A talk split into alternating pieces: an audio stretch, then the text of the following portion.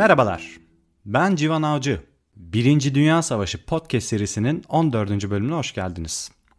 Bu bölümde sizlere 1914 Aralık ayında Batı cephesinde neler olduğundan bahsettikten sonra dünya tarihinde eşine az rastlanır bir hadiseden 1914 Noel ateşkesinden bahsedeceğim.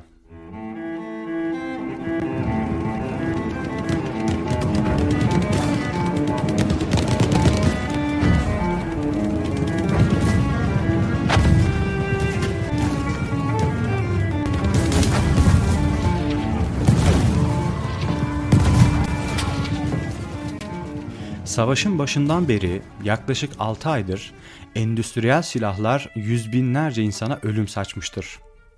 Askerler daha önce benzeri görülmemiş toplarla parça parça havaya uçmuş, dakikada 600 mermi atabilen makineli tüfeklerle kıyıma uğramıştır. Fakat bir an gelmiştir ki insani duygular devreye girmiş ve bu korkunç silahların sesi bir süreliğine susmuştur. Şimdi bu bölümde hep birlikte daha birkaç saat önce birbirlerine ateş eden askerlerin siperlerden çıkarak birbirleriyle tanışıp tokalaştığı ve hediyeler alıp verdiği, hatta bazı söylentilere göre Almanlarla İngilizlerin siperler arasında bir futbol maçı bile yaptığı o 25 Aralık 1914 gününe gideceğiz. Fakat isterseniz her zaman olduğu gibi geçtiğimiz bölümde neler olmuştu kısaca bir hatırlayalım. Almanlarla İtilaf kuvvetleri birbirlerini kuzeyden kuşatmak ve Fransa'nın ve Belçika'nın kuzeyindeki liman kentlerini ele geçirmek için büyük bir harekata girişmişti. Bu denize doğru yarış adı verilen muharebeler silsilesinin bir kazananı olmamış ve 19 Ekim 1914'te İngiliz ordusuyla Alman ordusu denizin sadece 35 kilometre güneyinde yer alan Belçika'nın Ypres kasabasında karşı karşıya gelmişti.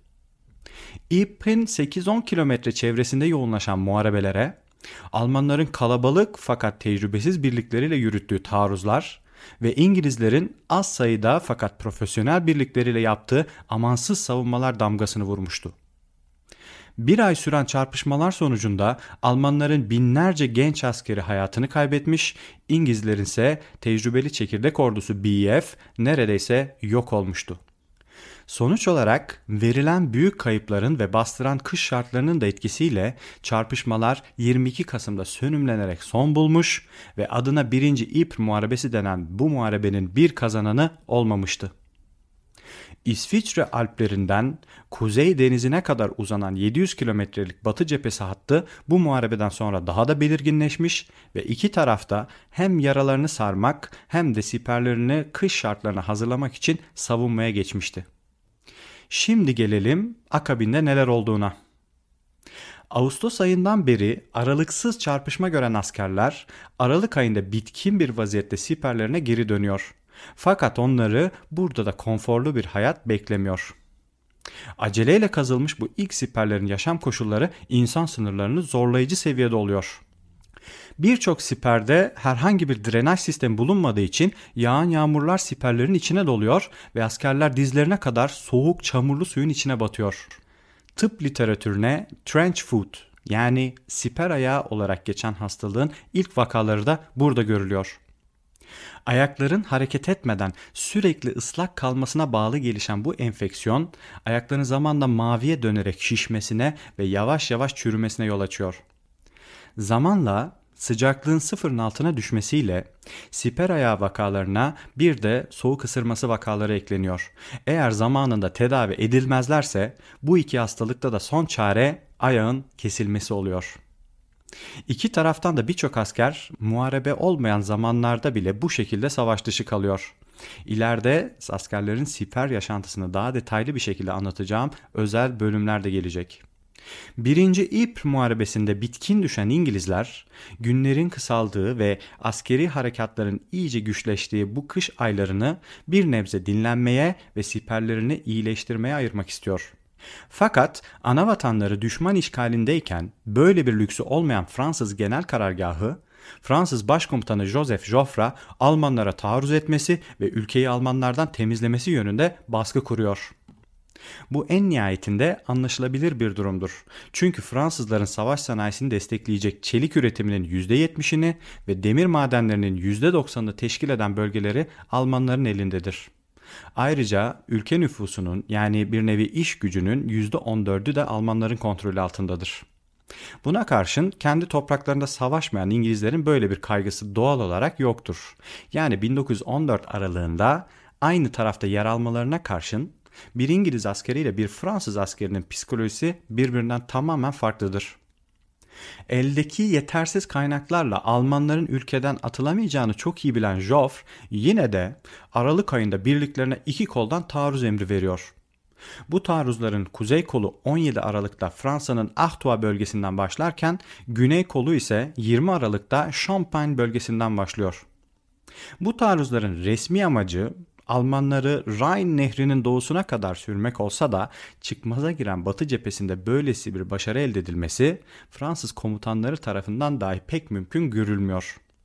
Fakat Joffre'un kafasındaki asıl amaç Almanları oyalayarak Doğu cephesine yani Ruslara karşı birlik kaydırmasını engellemek oluyor.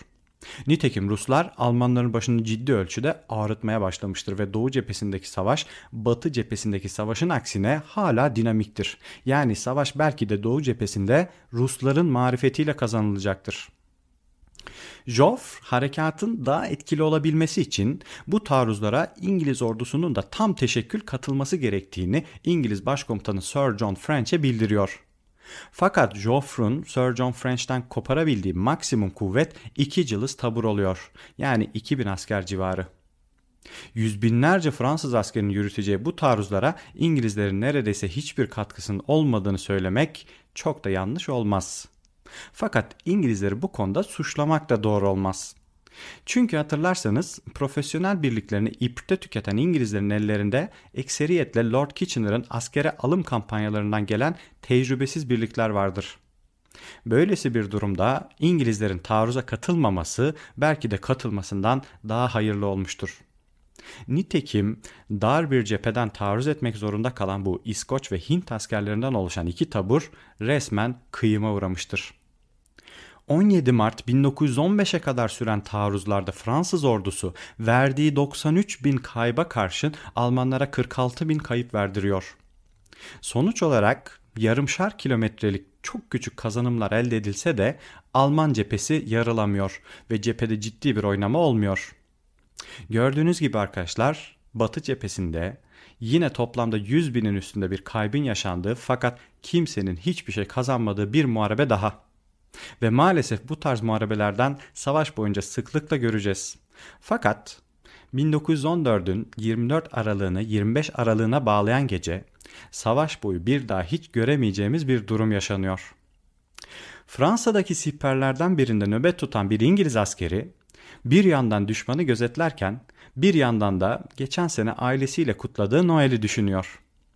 Acaba babam yine o Romlu pançını yapmış mıdır diye düşüncelere dalan asker o an içinde bulunduğu bu insanlık dışı koşullara bakıyor ve iç geçiriyor.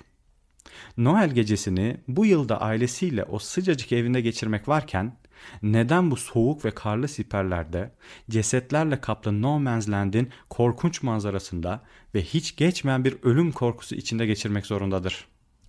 Siperdeki İngilizler o gün bir tedirginlik içindedir. Çünkü Alman tarafında gün boyu her zaman olduğundan farklı bir hareketlilik sezilmiştir. Fakat bunun sebebi tam olarak anlaşılamamıştır.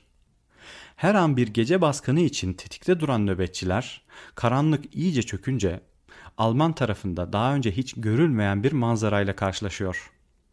Almanlar siperlerini boydan boya ışıklarla süslemiş ve İngilizlerin de görebileceği şekilde siperlerin başlarına mumlarla süslü küçük Noel ağaçları koymuşlardır. Bu ışıkların görünmesinden hemen sonra Alman siperlerinden bir ses yükseliyor. Fakat bu ses alışılanın aksine bir makineli tüfek sesi değil, Alman askerlerin hep birazdan söylediği Stille Nacht ilahisinin sesi oluyor. İngilizcesi Silent Night olan bu Noel ilahisini İngilizler de pekala biliyor ve Almanlar ilahilerini bitirir bitirmez İngiliz siperlerinden bir alkış kopuyor. Hemen ardından aynı ilahi İngilizler tarafından da söyleniyor ve bu sefer alkışlar Alman siperlerinden yükseliyor. Gecenin ilerleyen saatlerinde iki tarafında birbirine eşlik ettiği şarkılar yerini yavaş yavaş karşılıklı şakalaşmalara ve gülüşmelere bırakıyor. Ve bir sessizlik anında Alman tarafından bir asker bozuk bir İngilizce ile Tomorrow you know shoot, we know shoot. Yani yarın siz ateş etmeyin, biz de ateş etmeyelim diye sesleniyor. Ve böylelikle Batı cephesinde en azından bazı kısımlarda o büyük savaş bir süreliğine duruyor ve 1914 Noel ateşkesi böyle başlıyor. Askerlerin bir anlık içgüdüsüyle başlayan bu ateşkes, kısa sürede İngilizlerle Almanlar arasındaki kilometrelerce uzanan siperlerin üçte ikisine yayılıyor. Askerler 25 Aralık sabahı siperlerden yavaş yavaş çıkıyor. Tel örgüleri aşıyor, iki siperin arasındaki No Man's Land'in tam ortasında karşılaşarak birbirinin elini sıkıyor ve Noel'ini kutluyor. Başlarda tedirginliğin hakim olduğu bu hadisede iki tarafında birbirine ateş etmeyeceği anlaşılınca ortam daha da yumuşuyor. Taraflar arasında tanışmalar, sohbetler, fotoğraf çekinmeler ve tütün ve alkol gibi hediye alışverişleri başlıyor. Yaşanan bir hadisede iki siper arasındaki ateşkes Almanların No Man's Land'in ortasına kadar yuvarlayarak getirdikleri iki fıçı birayla başlıyor. İngilizler ise Almanlara viski ikram ediyor. Başka bir yerde yaşanan bir hadisede bir Alman askeri İngiliz askerine biz Saksonuz, siz ise Anglo-Sakson. Ortada savaşacak ne var ki diyor. Burada Alman askerinin ifade etmek istediği Almanların da İngilizlerin de aynı Cermen kökeninden geldikleridir. Örneğin Fransızlar Latin kökenlidir ve Almanlarla aralarında böyle bir bağ bulunmamaktadır. Fakat bu köken mevzusundan bağımsız olarak Almanlarla İngilizler arasında başka yakınlıklar da vardır. Örneğin Alman ordusu içinde savaş öncesi İngiltere'de yaşamış olan ve dolayısıyla mükemmel İngilizce konuşabilen birçok asker vardır. Hatta İngiltere'de yaşayan Almanların ekseriyetle barlarda ve restoranlarda çalışmış olmasını bazı İngiliz askerleri şaka konusu yapmış ve Alman siperlerine doğru "Garson, buraya bakar mısın?" şeklinde seslenmişlerdir. İki tarafın da birbiriyle iyiden iyiye kaynaştığı o gün içerisinde bir Alman askeri bir İngiliz askeriyle neredeyse tanış çıkıyor. Ve ona savaş öncesi İngiltere'de bırakmak zorunda kaldığı motosikletinin ne durumda olduğunu soruyor. Kimisi sohbet ederken kimi askerler de savaşın neredeyse unutulduğu bu özel günü stres atmak için fırsat biliyor. Daha birkaç saat öncesine kadar kimsenin çıkmaya cesaret edemediği, herhangi birinin kafasını siperden kaldırması durumunda aniden bir sniper mermisine kurban gidebileceği bu No Man's Land o an için neredeyse bir eğlence alanına dönüşüyor. Almanlar kendi aralarında buzda kayma yarışı yaparken İngiliz tarafından ortaya bir futbol topu atılıyor. Rivayete göre Almanlarla İngilizler o gün siperler arası bir futbol maçı yapıyor ve bu maçı Almanlar 3-2 kazanıyor.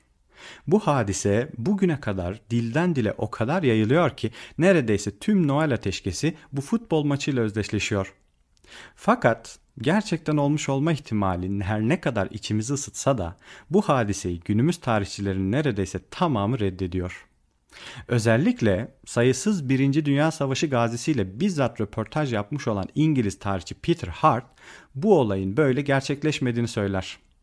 Peter Hart'a göre karşılıklı nizami bir maçın yapılmış olması imkansızdır. Hatta karşılıklı bir paslaşma dahi olmamıştır. Keza benim de dinlediğim o röportajlarda İngiliz askerleri kendi aralarında dahi bir maç yapıldığından söz etmezken sadece topa birkaç kere rastgele vurduklarından bahsederler. Hatta birçok yerde gerçek bir top bile yoktur. Askerler konserve kutusunu top yapıp kendi aralarında oynamışlardır. Buna karşın bazı tarihçiler Almanlarla İngilizlerin en azından karşılıklı birkaç paslaşma yaptığını iddia eder. Açıkçası arkadaşlar ben bu futbol maçı konusunun neden bu kadar tartışıldığını çok da anlamış değilim. İster nizami maç olsun, ister paslaşma olsun, en nihayetinde askerler bir günlüğüne de olsa siperlerden çıkıp rahat rahat hareket ediyor ve savaşın o kasvetinden bir süreliğine uzaklaşıyor. Bunun yanı sıra farklı yerlerde sağlanan ateşkeslerde genellikle yapılan ilk iş No Man's Land'de biriken cesetlerin doğru dürüst gömülmesi oluyor. Hatta birçok noktada ateşkes sadece ve sadece bu iş için sağlanıyor. Zaten yüzlerce kilometre uzanan batı cephesinde Noel günü başlayan bu ateşkeslerin süreleri ve içerikleri de bölgeden bölgeye farklılık gösteriyor. Bazı siperlerde askerler kaynaşırken bazılarında askerler siperlerden dahi çıkmıyor ve ateşkesin içeriği sadece siperlerden ateş edilmemesi oluyor. Süre olarak bazıları birkaç saat sürerken bazıları haftalarca devam ediyor. Nadir de olsa bazı ateşkesler bir tarafın diğer tarafa bilerek veya yanlışlıkla ateş etmesiyle tatsız bir şekilde son buluyor. Bu noktada her şeyin güllük gülistanlık olmadığını da belirtmeliyim. Özellikle düşük rütbeli askerlerin bir anlık inisiyatifiyle başlayan bu ateşkesler yüksek rütbeli subaylar tarafından genellikle tasvip edilmiyor. Zaten iki taraf arasında ne kadar dostluk kurulursa kurulsun, bütün her şey No Man's Land'de başlıyor ve No Man's Land'de bitiyor. Yani iki tarafta düşmanı kendi siperlerine fazla yanaştırmıyor. Bu noktada bazı subayların er kılığına girerek bu yumuşamış ateşkes ortamını fırsat bilip düşman siperlerini gözlemlemeye çalıştığı da asker hatıratlarında ortaya çıkıyor. Bazı subaylarsa vatan haini konumuna düşmekten korktuğu için karşı tarafın başlatmaya çalıştığı ateşkese katiyen olumlu yanıt vermiyor. Hatta bazı bölgelerdeki ateşkeslerin bir türlü son bulmaması üst kademeyi rahatsız ediyor. Böyle durumlarda No Man's Land'e kasıtlı olarak birkaç top mermisi atılıyor ve haliyle ateşkes bitmiş oluyor.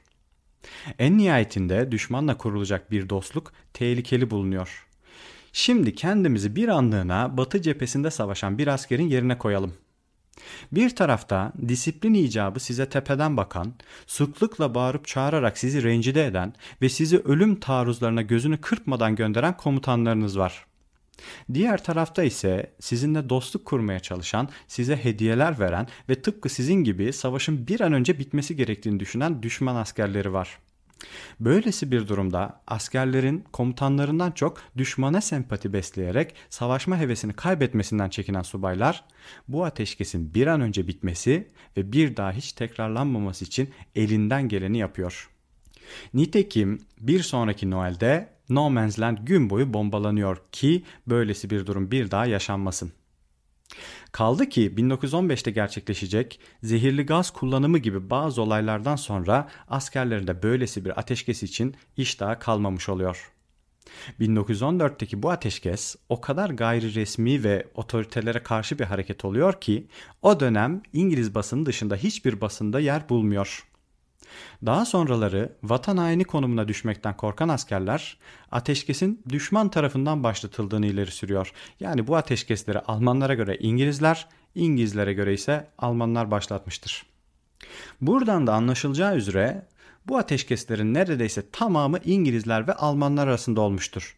O esnada toprakları Almanlar tarafından işgal edilmiş olan Fransızlar ve Belçikalılar doğal olarak böyle bir ateşkese yanaşmamıştır.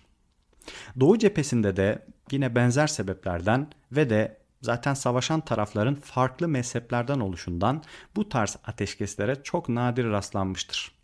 Fakat yine de toplanan verilere göre bu ateşkeslere yaklaşık 100 bin İngiliz askerinin yani İngiliz ordusunun üçte ikisinin bir şekilde iştirak ettiği düşünülürse bu olayın azameti yatsınamaz. Bu arada o dönemin papası 15. Benedikt 7 Aralık 1914'te savaşan tüm devletlere Noel günü için bir ateşkes çağrısı yapmıştır. Katoliklerin dini lideri silahlar en azından meleklerin şarkı söylediği o gece için susmalıdır demiştir. Fakat bu çağrıya iki tarafın hükümetleri tarafından da hiçbir olumlu yanıt gelmemiştir. Yine de askerlerin moralleri gözetilerek cepheye Noel zamanı devlet tarafından hediyeler gönderiliyor. Bu hediyeler arasında özellikle en meşhuru 17 yaşındaki İngiliz prensesi Mary'nin varlıklı kimselerden topladığı paralarla tüm ordu mensupları için tek tek hazırlattığı hediye kutuları oluyor.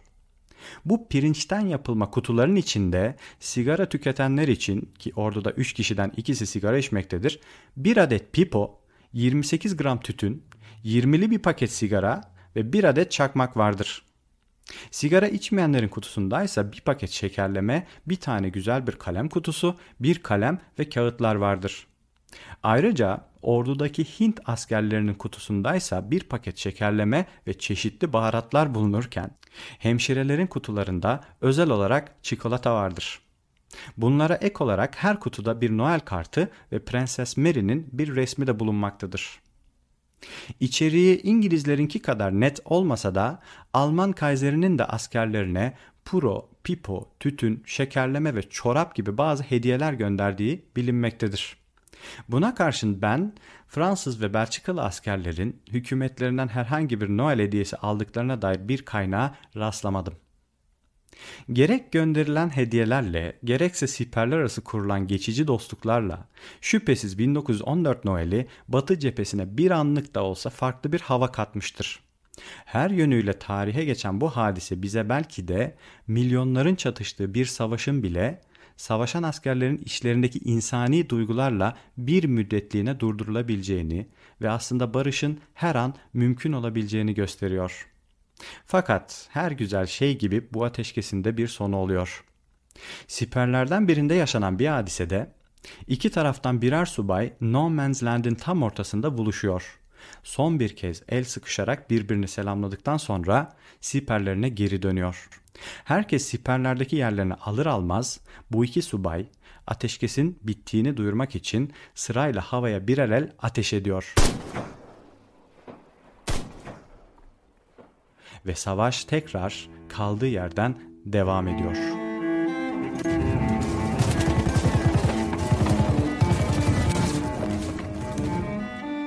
Gelecek bölümde savaşın Avrupa'daki diğer sahnesi olan Doğu cephesine geçeceğiz ve 1914 yılında Doğu cephesinde neler olmuş ona bir göz atacağız. Umarım yer yer içimizi ısıtan bu bölümden de keyif almışsınızdır. Dinlediğiniz için çok teşekkür ederim. Bir sonraki bölümde görüşmek üzere. Hoşçakalın.